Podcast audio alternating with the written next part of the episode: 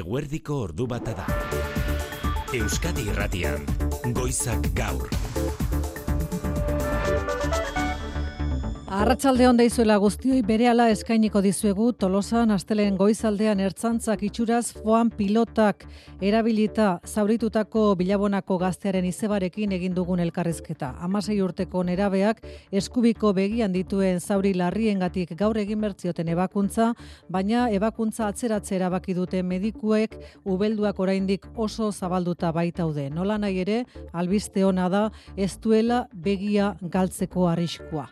Gertak gertakariak atzera piztu egin du foan piloten erabileraren inguruko eztabaida Josu Erkoreka segurtasun sailburuaren agerraldia eskatu dute goizak gaur elkarrekin Podemosek eta EH Bilduk. Bingen zupiria jaularitzaren bozera maleak gobernu bilera osteko prentza agerraldian adirazi du jaularitzaren borondatea dela modu gardenean gertatutakoa ikertu eta argitzea. Jaularitzaren helburua dela Tolosan izandako gertakizunak guztiz argituta geratzea.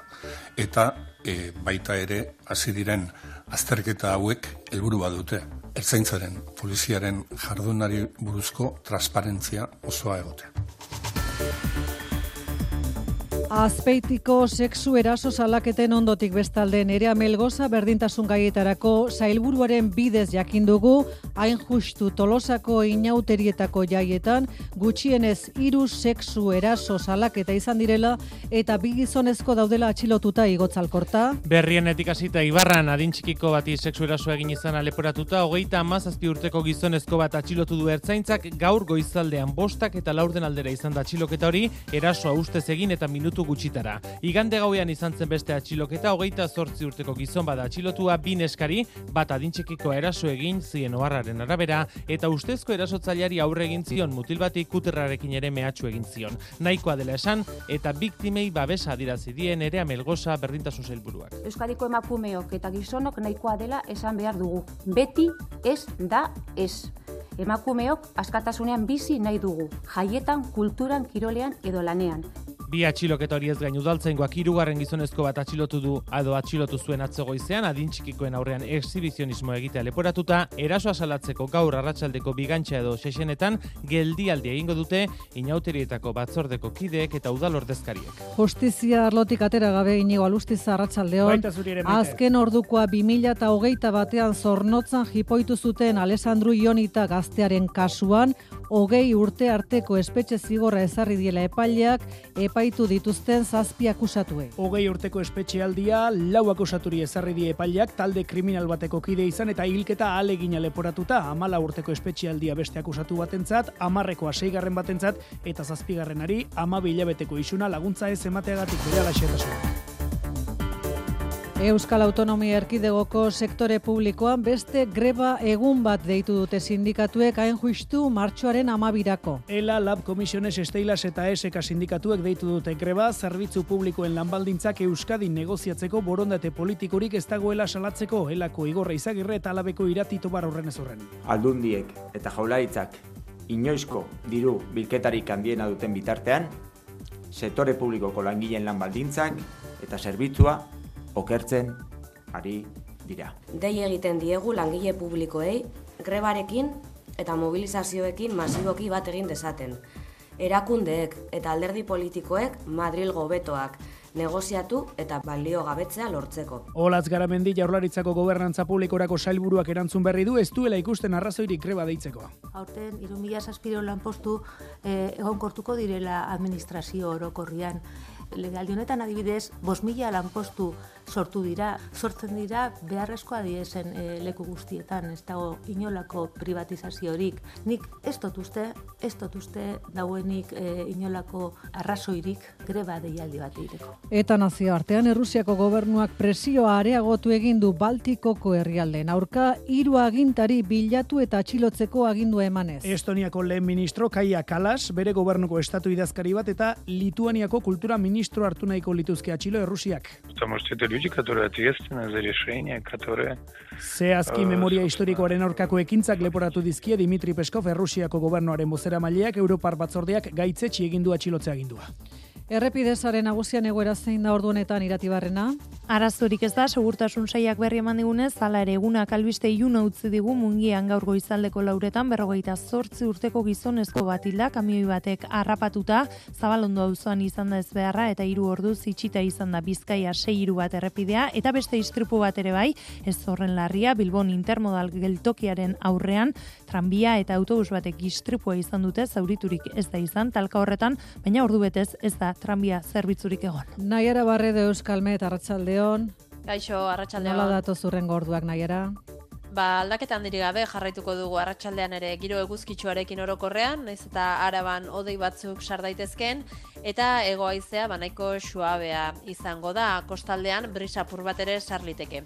Gauzak horrela, ba giroa nahiko epela izango da sasai honetarako 20 gradu ingurura iritsiko da temperatura kantauri surialdean eta 16 17 gradu ingurura berriz hegoaldean. Eskerrik asko Naiara, kiroletan Reala Parisera bidean da bihar han berrekingo baitio txapeldunen ligari Jose Maria Paola za. Azken zortzirenak jokatuko ditu bihartik aurrera, aurrera Realak Paris Saint-Germainen kontra itzuliko partida da gizonez Donostian izango da, hori txapeldunen ligan eta Espainiako futbol ligan berriz ba, atletikek abaila moteldu duela, etxetik kanpoko azkeneko hiru partiatan golik ez Bart utxean amaitu du Almerian. Eta kulturan uri bitarte berrogei Bilboko arte areto publiko berriak bakarkako lehen erakusketa aurkeztu du Manu Etxezeko. Bai, areto berriak bakarkako lehen erakusketa, Jorge Islari eskenia, Isla artista, Bilbao arten bekadun izan zen eta orain kanon edo arauetatik kanpo dagoen erakusketa osatu du. Elena López Camacho, uri bitarte berrogei aretoko zuzendaria. Jorge, que aretorako planteatu egin du oso proiektu kontzeptuala eta garaikidea, eta nik uste dut oso ondo lortu duela espazioarekin arkitekturarekin jokoan eh, jartzea eta aldi berean bere karreran lantzen dituen ideia nagusiak aretora ekartzea. Jorge Isla gomendagarriak erakusketa ikusteko euskara zantolatuko dituzten bisita gidatuak maite. Ordu bata eta zazpi aiora urdangarin eta mirari egurtza teknikan eta errealizazioa. Euskadi Irratian. Goizak gaur. Maite Artola. Tolosan itxura guztien arabera ertzantzaren pilotakada batek zauritutako amasei urteko nerabeari gaur egin behar zioten begiko ebakuntza Donostia ospitalean, baina ebakuntza hori atzeratzea erabaki dute momentuz medikuek aitziber da zauritutako nerabearen izeba aitziber arratsaldean. Arratsaldean. Ezer baino lehen nola dago zuen hiloba? Bueno, ba, oraindikan sustoa gorputzetik kendu ezinik eta urduri. Egia esan urduri da. E, bakuntza gaina atzeratu diote, inflamazioa begitik e, bueno, da, bigarren eunen gehiago juntzaio, baina da golpean ondorio bat, eta ba, urduri dago. Eta hortaz medikoek esan dute ubedlura zabalduta dagoela eta atzeratu egin behar dela egun batzutan? Hoi da, e, e, bakuntza egiteko e, gaurrita ez daukala zentzua, zeratik begia erabat iriki barra dakate, eta e, be- begia irikiteko inflamazioak etxi barra daka. Bai, gaur egun ezin du begia zabaldu. Zenbate puntu eman zizkioten hasiera batean? Amabi ama puntu dauzka, seguru ezin dizut esan amabi dian zehatzetan mehatz, e, baino da amabi ama puntu inguru. dauzka begi inguruan, dauka bekaina, gero lagrimal inguruan, eta zu, osea, bai, e, inguru hartuta dauzka. Puntu. Hala ere, e, zorionez eta oftalmologiatik esaten dizuetenez, e, begia galtzeko arriskurik ez gaur gaurkoz, ez? Ez, ez daukala mateu. Ez, e, gaurrotko zeintzat, e, gauza e, notizio nahintzatu da. Eta zer izan liteke, esan nahi bakuntza zertarako da berez? Eh, esan digute euskala bi desplazamiento de retina edo begin barrenen zehatuta, eta gero dauk, omen dauka eh, hematoma bat edo golpe bat barruan, eta hori ere konpondu beharra dagoela. Mhm. e, malkoak eragiten dituen puntuan? Lagrimalen bai, daukala, eta bai, eh, hori konpontzeko ebakuntzen bartzaioa. Aitzi barrepatu dugu hasiera batean, orain Donostiako ospitalean dago, baina hasiera batean Asuntzion eri etxera eraman zutela, ez da hori lehenengo momentuan. Bai, lehenengo ambulantzia jasotzen du tolosatik eta asuntzionera ematen du. Eta Mhm. asuntzionen begiratzen diote begia eta erabakitzen dute oftalmologia donostia bialtza. Asuntzionen hartatzen duten medikuen txostenak eh, jasotzen du nola zuen hilobak aipatzen zuen pilotakada bat jaso zuela eta horren ondorio zirela zauriak. Hoi da, beak eh, asuntzionon klinika iristen danen, en, begia zauritutak, esaten dira pelotakada bat jaso dula, eta ba, beraie protokolo bat azten dute martxan. Mhm. Berez, egia da, bai. Asunciónetikan residentziako trasladoko ambulantziko txostenean jartzen dula e, pelotaka baten ondorioz ba, trasladoa ematen dela. Zuek eh, asteko argi utzi nahi duzuena da, berak eh, ez zuela segurtasun zailaren oharrean aipatzen diren liskarretan parte hartu, ezta? Hoi da, be, beraiek etzo den liskar hoietan, beraiek handik pasatzen zian eta etzo den liskarretan ez. E, pentsate zuen, pues, e, txaranga bat zeola eta horbildu zian horretik. Ea ondo ulertzen dugun aitziber, e, lehen karga bat egon zen, e, ez dakigu zehazki rondilan edo tolosako ze puntutan, eta handik e, iesi badoa zure hiloba beste lagunekin, eta beotibar kale inguruan ikusten du jendetza, eta iruditzen zaio txaranga dagoelan. Hoi da, bai. Eta handikan iten du, e, entzuten du lehenengo karga eta ateratze dia korrika. Eta bigarren kargan da begian ematen diotenean. Bueno, guk dakigu bi karga egon ertzainak esan zigulako bi karga izan ziala. Eh? Horren suposatze du lehenengoan ez bazien eman, bigarrengoan eman ziala. Goizaldeko Laura Kaldera deitu zuen mutilak etxera, ezta? E, Hoi da, lehenengo bere lagomatek deitze ambulantzia eta bigar, eta gero beak eh, etxea ditu. Esanez, E, pelotaka batek eman diola begian eta goletan dagoela, begitika. Eta badara matela Eta klinikara. Asunción klinikara joko dutela eta area joteko. Geroztik, ertzantza jarri da, zuekin harremanetan, Bai, jarri da bai telefonoz eta bai e, area jonda, e, beakine bai ondia, eta oixe, beraien esan, esan digute e, ikerketa bat e, iriki dutela, bai internoa eta bai externoa, eta jakiteko ze pasadan. Barne ikerketa... Eta gero bai. forentzia pasada ere bai, atzo arratsaldean forentzia pasatzen, ba, zeuzkan e, golpeketa aztertzea. Barne ikerketa horren beharra ikusten du ertzantzak zuei inolako momentutan aditzera eman dizuetelako e, beotibar kalezulo horretan pilotakadak e, erabiltzea ez dela gauza ohiko bat edo zergatik da? Ez, guri esan digute ikerketa bat daola, zergatik ez digute esan. Daola ikerketa bat irikia, baino zeatik anez. Mhm. Eta zuek e, salaketa jartzea, pentsatu duzue, ekinbide judizialik? E, guk lehen da bizi nahi duna da bea sendatzea, e, ebakuntza ondo ateratzea, eta gero e, ikusikoa ze pasatzean, eta nola dijoazten gauzak. Baina nahi duna da, lehentasuna emate diogu bere osasuna, eta ebakuntza ondo ateratzea.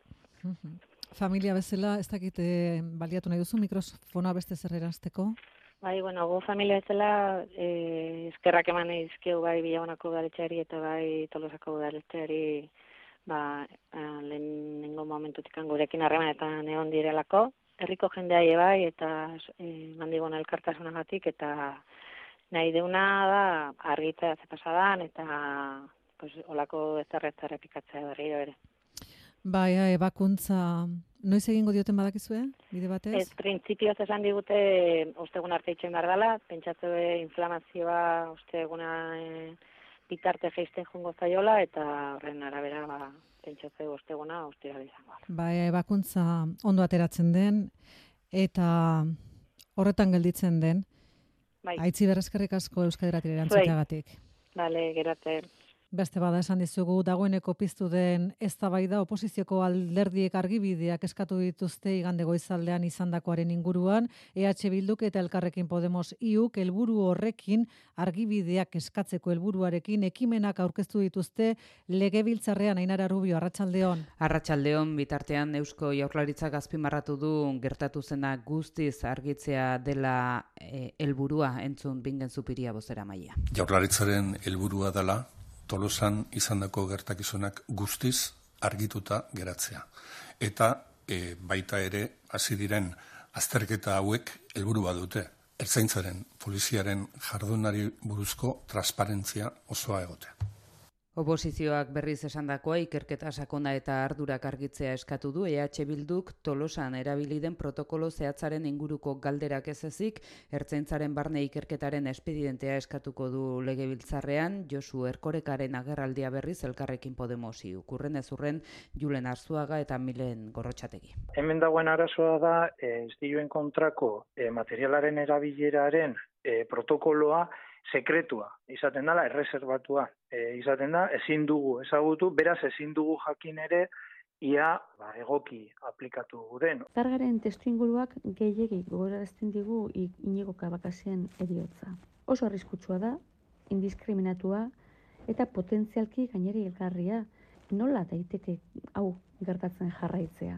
Eta herritarren eskubideak eraginkortasunez zaintzeko aldarrikatu du. Ordu bata eta laurden Tolosako inauterien testu inguruan bestalde hiru sexu eraso eta bi atxiloketa izan direla jakin dugu hogeita mazazpi eta hogeita zortzi urteko bi gizonezko dira atxilotuak eta biktimetako bi adin txikikoak. Gaur arratsaldeko bigantxa edo xisenetan protesta egingo dute udalak eta inauteritako batzordeko kideek igotzalkorta. Berrienetik hasita Ibarran gertatu dena adin txikiko bati sexu eraso egin izan aleporatuta hogeita mazazpi urteko gizonezko bat atxilotu du ertzaintzak gaur goizaldean bostak eta laurden aldera. Erasoa ustez egin eta minutu gutxitara izan da atxiloketa hori ertzaintzaren oharraren arabera. Atxilotuak aurrekaria ditu eta epailaren esku utzi berri dute. Igande gauean izan zen beste atxiloketa hogeita zortzi urteko gizon badakasunetan atxilotua, bi neskari, bat adin txikikoa, eraso egin zien oharraren arabera eta ustezko erasotzaileari aurre egin zion mutil bati kuterrarekin mehatxu.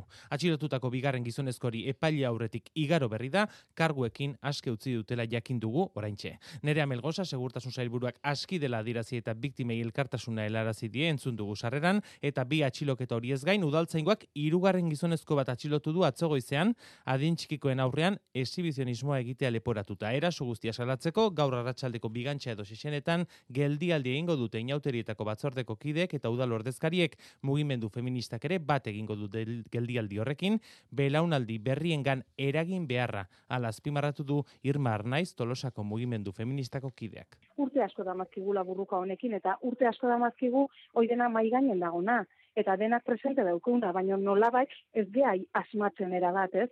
E, hori deusesteko edo gertatu ez dadin.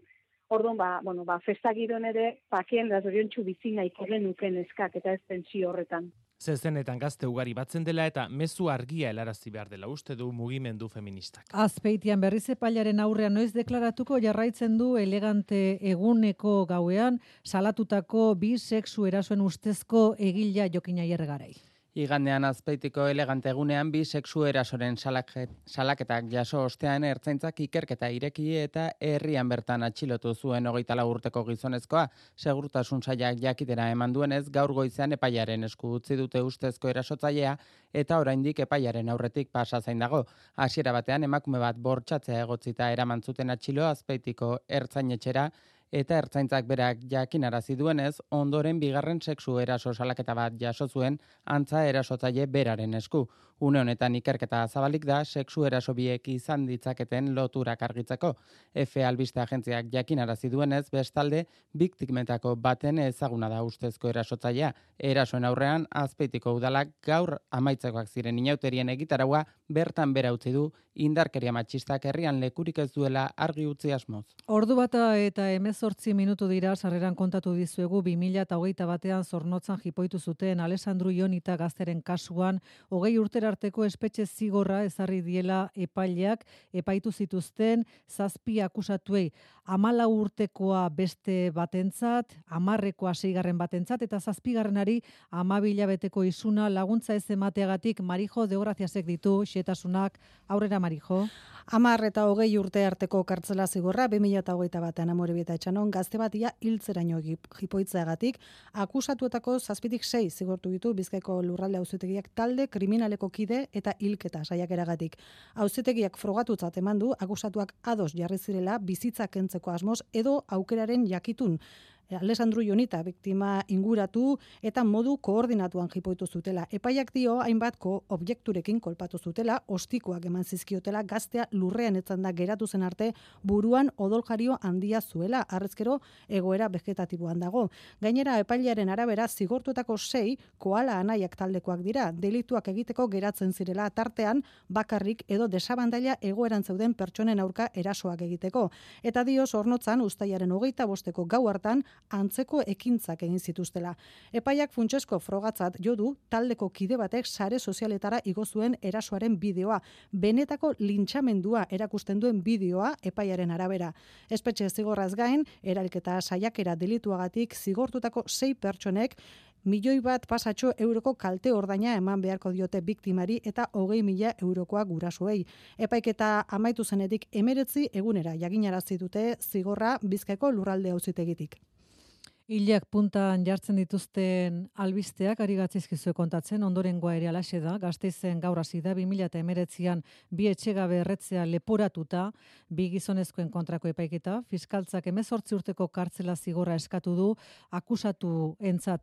Lehen saio honetan, akusatuak entzun ditugu, eta entzun ditugu esaten, asko edan zutela, botika lasaigarrekin astu zutela alkola eta etzekitela zer egin zuten ere. Edozein kasutan, adirazi zuten adirazi dute minik emateko asmorik ez zutela dena txantxa bat bai litzan hasi zela zurin etxe berri arratsaldeon. Arratsaldeon bai eta denak ezagunak ziren denak bizi zirelako kalean. Txantxa testu inguru batean kokatu dute bai akusatuek duela bost urte jazotakoa pintura spray batekin ari ziren jolasten adierazi dute edaten zuten bitartean baina ez dutela gogoratzen nola ateratzen sugarra ez da zeinek piztu zuen txiskeroa ere. Izan ere egun horretan hogei hogeta mar bat garagardo edan zituzten baita bost bat trankimazin hartu ere. Horregatik ez dutela ondo gogoratzen. Aldiz, lekuko gisa deklaratu duten udaltzainek besteak beste esan dute oso gertutik errezutela biktimetako bat eta bi akusatuak bere honean zeudela. Iesean atera zirenean, beste etxegabe bat ere errezutela gaineratu dute udaltzainek. Ambulantzian bertan intubatu behar izan zutena. Biktimetako bat beste arrazoi batzuk tarteko hilda dago, bigarrena berriz Bartzelonan bizi omen da, denbora honetan guztian zitazioei erantzun ez badi ere, fiskalak eskatuta, epaileak Arabako lurralde auzitegira e, deklaratzera eska, ekartzea agindu du eta epaiketak bihar jarraituko du. Ordu bata eta hogeita bat Euskal Autonomia Erkidegoko zerbitzu publikoetan huelga deitu dute berriro ELA Lab Komisiones Esteilas eta SK sindikatuek martxoaren amabirako administrazioak ez duelakoan Euskadin lan baldintzak negoziatzeko inolako borondaterik erakutsi ziztoiturria gagoik. Urriko eta benduko bi greba egunen ostean beste huelga egun bat deitu dute ipatutako sindikatuek martxoaren amabirako igorra izagirre elako zerbitzu publikoen arroko arduradunak salatu duenez soldak soldatak eta lan baldintzak hemen negoziatzeko investidura akordioa gauzatu ez izanaren eraginez, langile publikoek erosalmena galtzen jarraitzen dute. Sektore pribatuan, mobilizazioa isker, sektoreko hitzarmen batzutan, kapeitik gorako soldata igoerak lortzen ari den bitartean, sektore publikoan, Madrilek, Euskal Erakunde eta alderdi politikoen adostasunarekin batutari eusten segitzen du. Eta honek dakar, azken bi urteetan, langileen erosteko almena, euneko sortziko galera izan duela, eta behinbeinekotasun mailarik altuenean gaudela. Aldundiek inoizko diru bilketa hundien alortu, jaurlaritza gaurre kontua superabitarekin itxi eta Euskal Eragundek bankuetan amar mila milioi euro dituzten bitartean zerbitzu publikoak gainbera doazela salatu dute Elalab Komisiones SK eta Esteila sindikatuek. Eta euren aldarrikapenak gogorarazi dituzte. Besteak beste, langile publikoen soldatak aurten euneko amarrigo eta aurreti pilatutako zorrak itatzeko kompromiso hartzea, lanaldia murriztea, hogeita mabi orduko lanastea jomugan jarrita, privatizazio krisiarekin amaitzea eta behin-behinekotasuna euneko sortzira murriztea. Olatz garamendi gobernantza publiko eta autogobernurako sailburuak erantzun die, bere esanetan ez dagoela sektore publikoan beste grebarik deitzeko arrazoirik, martxoko nominatik aurrera langile publikoen soldata beste puntu erdi goko dela, eta aurten irumila eta zazpireun lan postu esleituko direla, iragarri du garamendik gobernu bilera osteko agerraldian eta besteak beste hori argudiatuz adirazi du ez duela greba egiteko arrazoirik ikusten. Urtea amaitu horretik esleituko diren egon kortutako plazak eta legegintzaldian sortutako enplegua erabili ditu argudio gisa garamendi zailburuak grebaren aurkako jarrera kritikoa azaltzeko. Alde batetik, e, hitz egiten da prekaritatea dagoela zerbitzu publikoan, eta nik e, horren aurrian datuak eman dizkizuet, ez? E, datu zehatzak esan dizuet, ez? Aurten, irumila saspiro lan postu e, egon kortuko direla administrazio orokorrian e, esaten da ze e, privatizazioa ematen ari dara administrazio publikoan. E, horren horrian, e, nik datuak ekarri ditut, eta e, legaldi honetan adibidez, e, aipatu dudana, ez? Bos mila lanpostu sortu dira. Horrekin batera, gobernantza publiko eta autogobernu sailburuak gogorarazi du abenduan 3000 plaza baino gehiagoko lan eskaintza publikoa onartu zuela Jaurlaritzak eta nabarmendu du lehen aldiz Euskaditik egingo dela udaletako idazkari, idazkari kontu hartzaile eta diruzein plazak betetzeko deialdia beharrezko hizkuntz eskakizunak betetzen direla bermatuz. Bestalde, garamendik jakainarazi du martxotik aurrera ordeinduko zaiela langile publikoei Espainiako gobernuaren azkunde helburuarekin lotutako euneko 0,5ko soldata iguera. 2023ko urtarrilaren bateko atzera eraginkortasunez ordainduko du administrazioak puntu erdiko igoera hori. Adi urrengo datuari, lanbide eziketako goi mailako ikaslen euneko larogeita bi, kalegia amarretik sortzik baino gehiago, lana lortzen dute ikasketak amaitu eta berehala. Etel, itunpeko geita amar ikastetxe biltzen dituen elkarteak kaleratutako datuak dira, azaldu du lan merkatura sartzeko orduan ikaslek lehentasuna ematen dietela lan balditzei soldataren aurretik mailen arratibel arratsaldeon. Arratsaldeon bai, bataz beste lanbideziketako ikasleen euneko irurogita maseik ikasketak bukatu eta berehala lortzen dute lana, pandemia aurrean baino amar puntu gehiago da hori eta errexago izaten dute goi mailako ziklotakoek amarretik sortzi gutxienez egiten dutelako lanerako pausua ikasketak amaitu ala. Oinarri sendo horretatik Julen Elgeta etel elkarteko presidenteak aitortu duala ere, erronka dela emakumeak erakartzea zientzia eta teknologia alorreko zikloetara.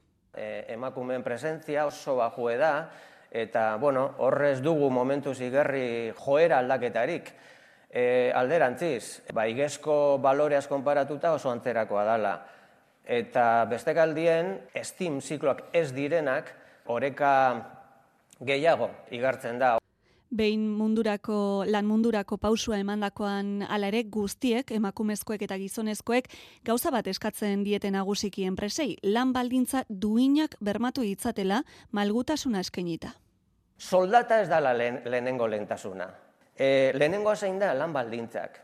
Eta lan baldintzetan e, zer sartzen da? Ordutegi malgutasuna, telelan aitzeko aukerak, lan baldintzen atzetik datorrain zuzen soldata, eta ia zazpi mila ikaslek erantzudun duten inkestak dio, irugarren lehentasuna dela lanpostua etxetik gertu egotarena. Ordu bata eta hogeita zazpi minutu dira nazioartean, Kremlinak Kaia Kalas, Estoniako lehen ministroa bilatu eta atxilotzeko agindua emandu leporatuz, soldadu sovietarren monumentuak txikitzen ari dela. Estoniako estatu idazkaria eta Lituaniako kultura ministroa ere sartu ditu Errusiak zerrenda beltzean, estatu baltikoek indartu egin dute euren lurretan dauden monumentu sovietarrak erretiratzeko asmoa. Ukrainako gerra hasi zenetik eta honela erantzun du gaur Kremlinak Amaia Portugal arratsaldeon Arratxaldeon, bai, kalasek 2008an bertan agertu zuen, alako berreun eta lareun monumentu artean eraisteko asmoa Estonian. Dimitri Peskov kreliniaren bozera maiak esan du, memoria historikoa profanatzen duten erabakien erantzule direla kalas eta beste bi ministroak потому что это люди, которые ответственны за решения, которые, э, собственно, Maria Zaharova Errusiako atzerri bozera maila gaineratu du munduan nazismotik eta fascismotik askatu zutenen memoriaren aurka egiten diren krimenak zigortu behar dituztela. Pus, pixu gutxiagoko politikari baltiko gehiagoren kontra eman izan du Mosku katxilotzeko agindurik, baina Europar batzordeak dio aspalditik zerrendatzen dituela Errusiak funtsi gabe atzerriko agente deitzen dituenak eta aspalditik gaitzesten duela Bruselak hori. Nabila Masrali bozera mailea.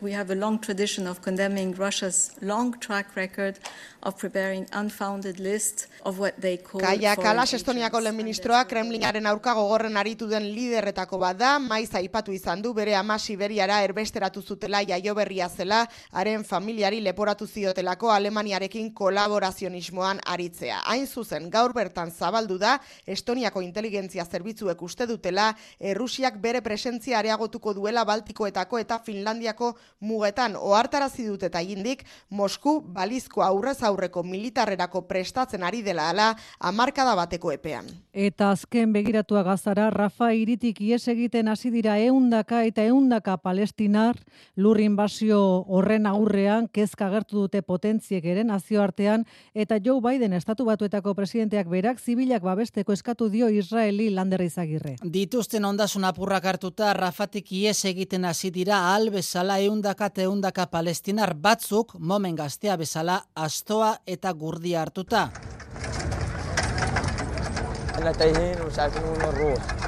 Nekatuta dagoela dio eta galduta sentitzen da espaitakin nora joan ere. Gaza erdi alderuntza abiatu dira asko eta asko, baina Israelgo armada eta miliziano palestinarrak borrokan ari dira jan zen, bien bitartean, zibilak babesteko, plan sinezgarri bat eskatzen diote bere aliatuari, estatu batuek Joe Biden presidentea.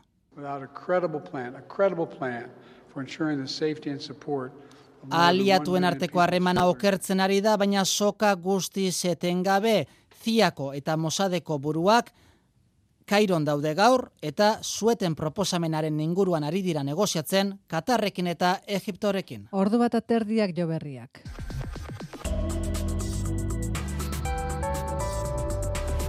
Euskadi Irratian, eguraldia eta trafikoa. Trafikoan ze berri jokina jerregarai?